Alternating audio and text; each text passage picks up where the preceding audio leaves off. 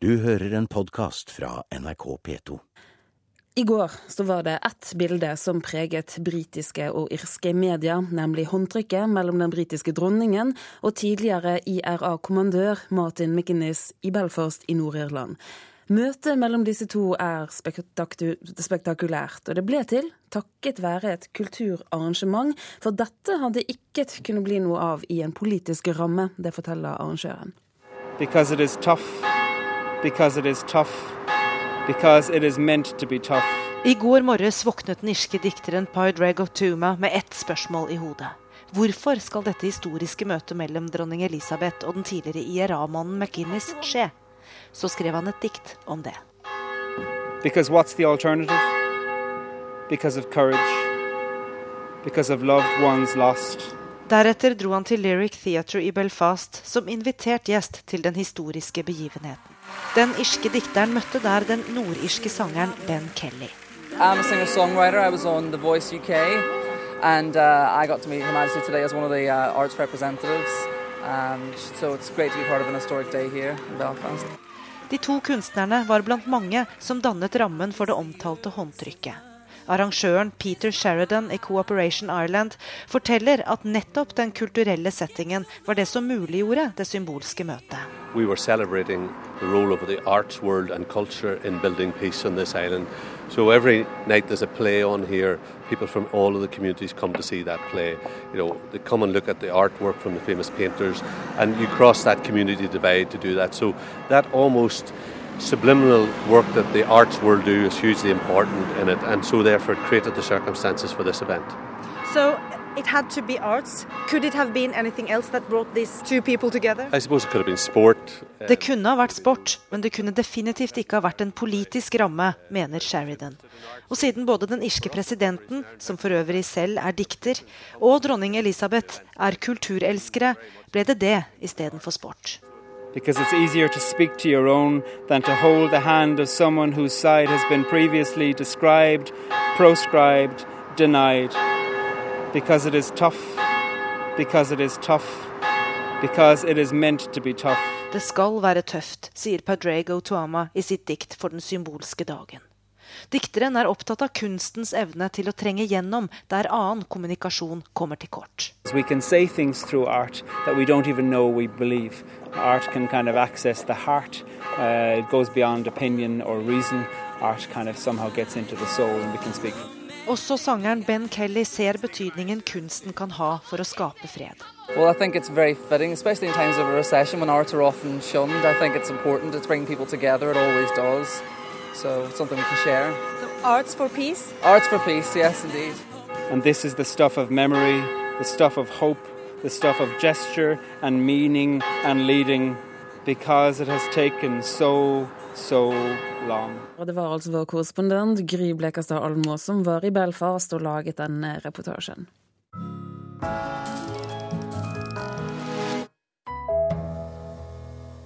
Verdens største faktasamling på nett den handler om Igmar Bergman. Det virtuelle museet igmarbergman.se har nå åpnet. Her finnes alt du ønsker å vite om filmskaperen, teaterregissøren og forfatteren. Det har tatt to år å lage dette nettmuseet, og her finnes bl.a. oversikt over alle de 300 teaterstykkene basert på Bergmans manus som er satt opp over hele verden. Rockeveteranene i Kiss vurderer å legge ned musikkarrieren. De legger snart ut på en to år lang turné. Men etter det så er det aktuelt å finne yngre musikere som kan overta merkevaren Kiss.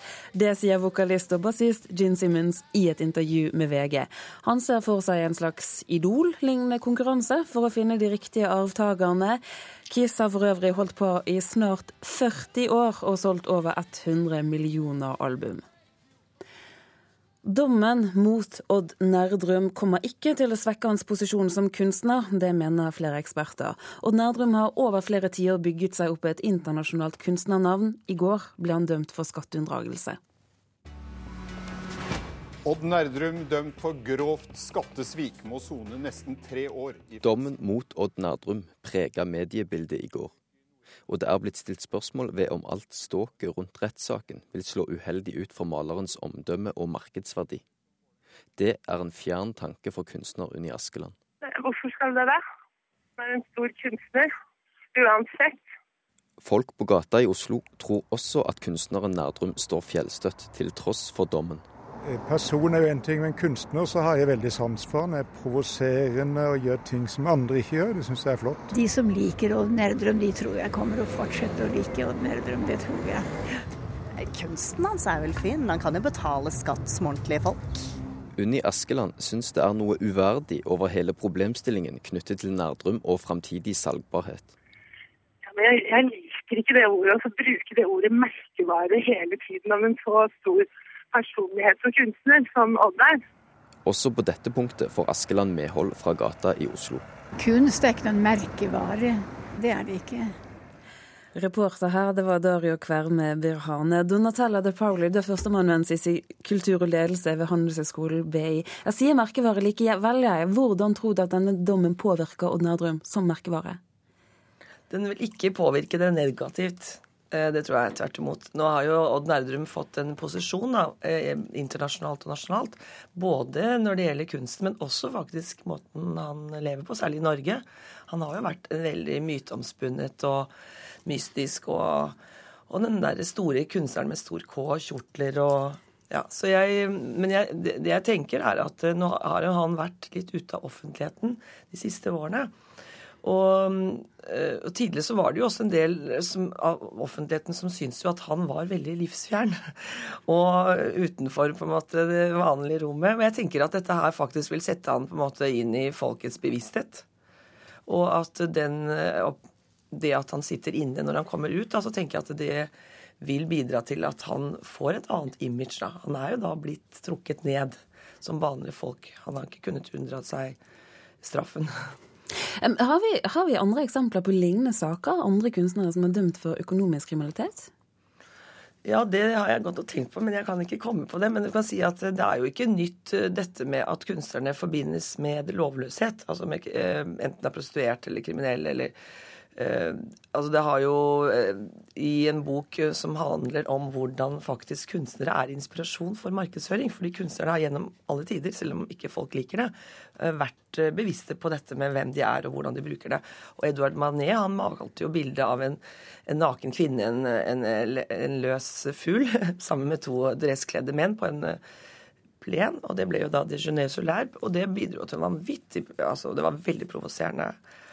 Og det var jo bidro til å få han på en måte satt på agendaen, og han fikk en vanvittig blest. Så det, så det er jo ikke noe nytt egentlig i det hele tatt.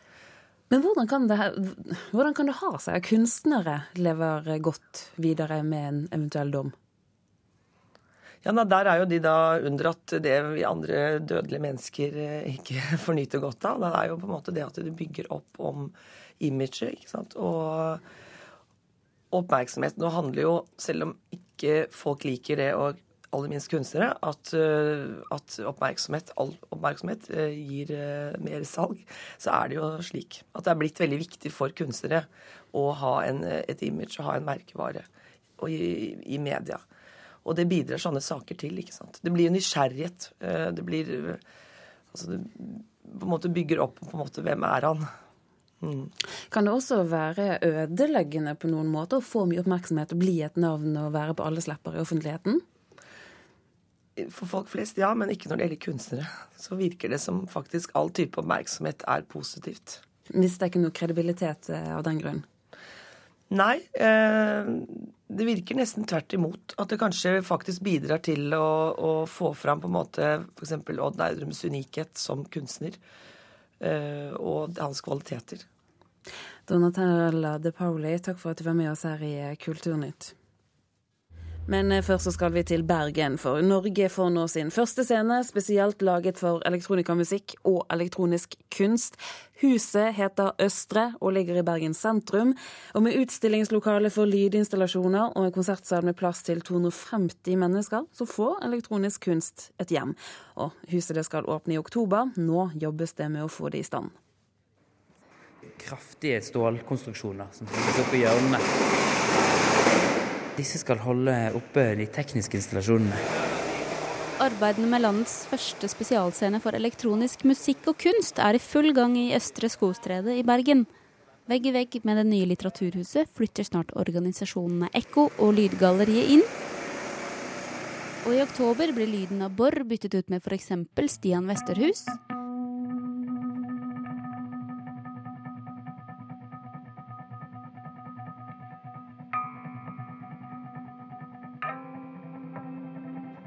Lyden av installasjoner, sånn som denne av Paul Devens.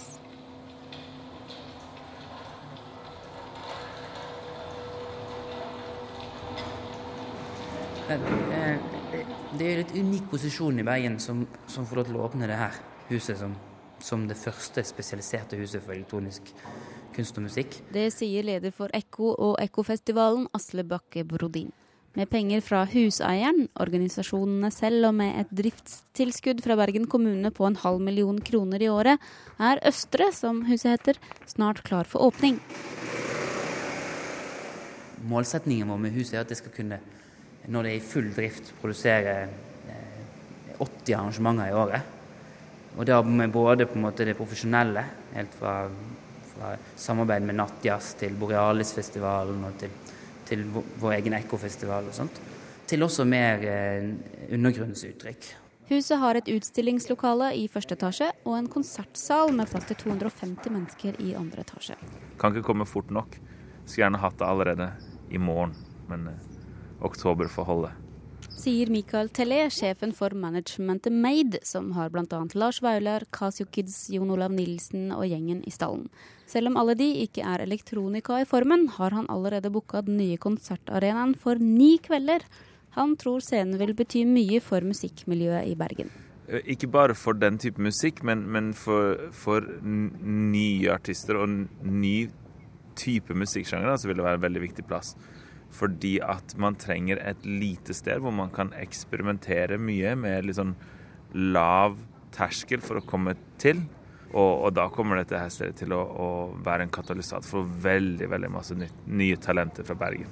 At konsertsalen er liten er veldig bra for nye band, tror han, og viser til den lille puben Mos, som avlet band som Kak Matafaka, Casio Kid, Ratzika og Alexandre Quartet. Jeg tror du kan komme opp med en, en ca. 40 band som bare kom ut av den lille puben som på en konsertdag ikke kunne ha mer enn 60-70 stykker inne. Og det, det viser hvor mye en sånn liten plass kan ha å si. Da. Så vi må bare få åpnet det og få satt i gang. Asle Bakke Brodin er utålmodig, men det er mye som gjenstår. Så hvis man hører, så er det litt klang. Det skal ikke være når vi er ferdig. Og de mangler fortsatt penger til elektronisk utstyr, scenetepper og lys, tekniske ting som bør være på plass for at det skal bli en billig leie for nye band. Så selv om jeg høres veldig positiv ut og sier ja, vi skal åpne, så, så kommer vi til å åpne 6. oktober, men vi er fremdeles på pengejakt for å få siste biten på plass. Men det er store løft for, for våre små organisasjoner å gjøre dette her. Og det er også et stort løft for miljøet å få på plass et sånt hus. Reporteren var Helene Rønning.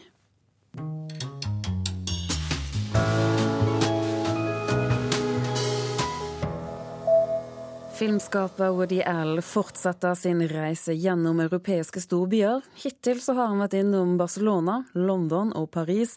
Nå erklærer han sin kjærlighet til Roma i filmen To Rome With Love. Og de som elsker Woody Allen, de har noe å glede seg til. Det mener vår filmkritiker Einar Gullvåg Staalesen. Poi d'improvviso venivo dal vento rapito. Woody Allen reiser fortsatt i Europa. Nå erklærer han sin kjærlighet til Roma. I løpet av fem år har han vært i Hellas, Spania, London og Paris. Han var forresten langt inne i gresk mytologi i 1995 også. I frodig Afrodite. Han er langt inne i noe nå igjen. Porca miseria, che botto! Sorry, I don't speak English very well. I'm from Roma. Jeg tror To Rome With Love treffer byens rytme. Den er like nervøs som Woody Allens syke. Han lar italienere snakke italiensk med hverandre. Selvfølgelig gjør de det, men det er ingen selvfølge i en amerikansk film. Der, i Roma, lar han enkeltmennesker fra flere land og grupperinger møtes og gjennomleve forvirrede situasjoner som vi kanskje skjønner sammenhenger i etter hvert.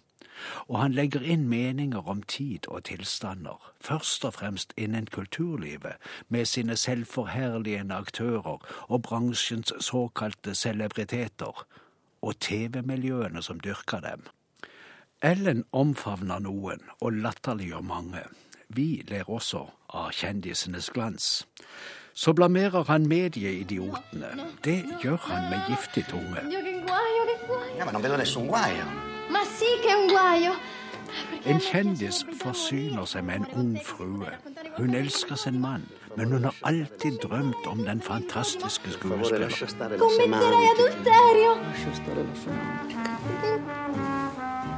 Musikaliteten er der, som alltid hos Woody Allen. Kvinnene er der, som alltid. Utroskapen er der, på kryss og tvers. Den litt fysiske spillestilen til Ellen er der. Den fungerer i italiensk ånd. Woody Allen selv er med denne gangen. I de fire foregående filmene har han latt andre spille sine nevrotiske rollefigurer. Det har vært en god periode. I den perioden virket det som om filmene til Woody Allen ble stadig yngre mens mannen ble eldre. Han er 76 år nå. Jeg synes ikke foryngelsen gjelder denne gangen. Tidlig i filmen byr han på minneverdige øyeblikk med Penelope Cruz. Hun banker på hotelldøren til en nygift, tekkelig ung mann og presenterer seg som gevinst. Alt er betalt. Alt hva den desorienterte unge mannen måtte begjære.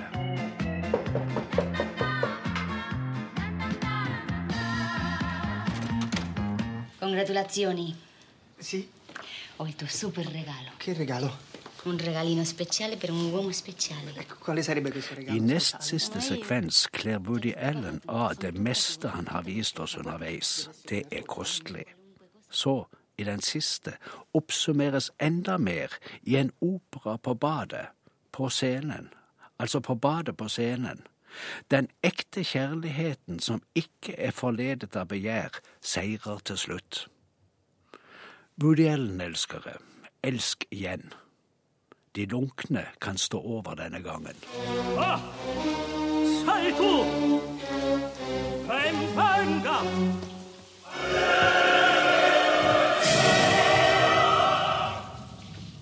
Einar Gullvåg Staalesen er vår eh, filmkritiker. For eh, første gang så blir TV-spill presentert som kunst. Det skjer ved et av de største kunstmuseene i USA, nemlig Smithsonian i Washington DC. Der så gjør utstillingen The Art of with Video Games suksess, og nå så stiller andre byer seg i kø for å vise frem dataspill som kunstnerisk medium.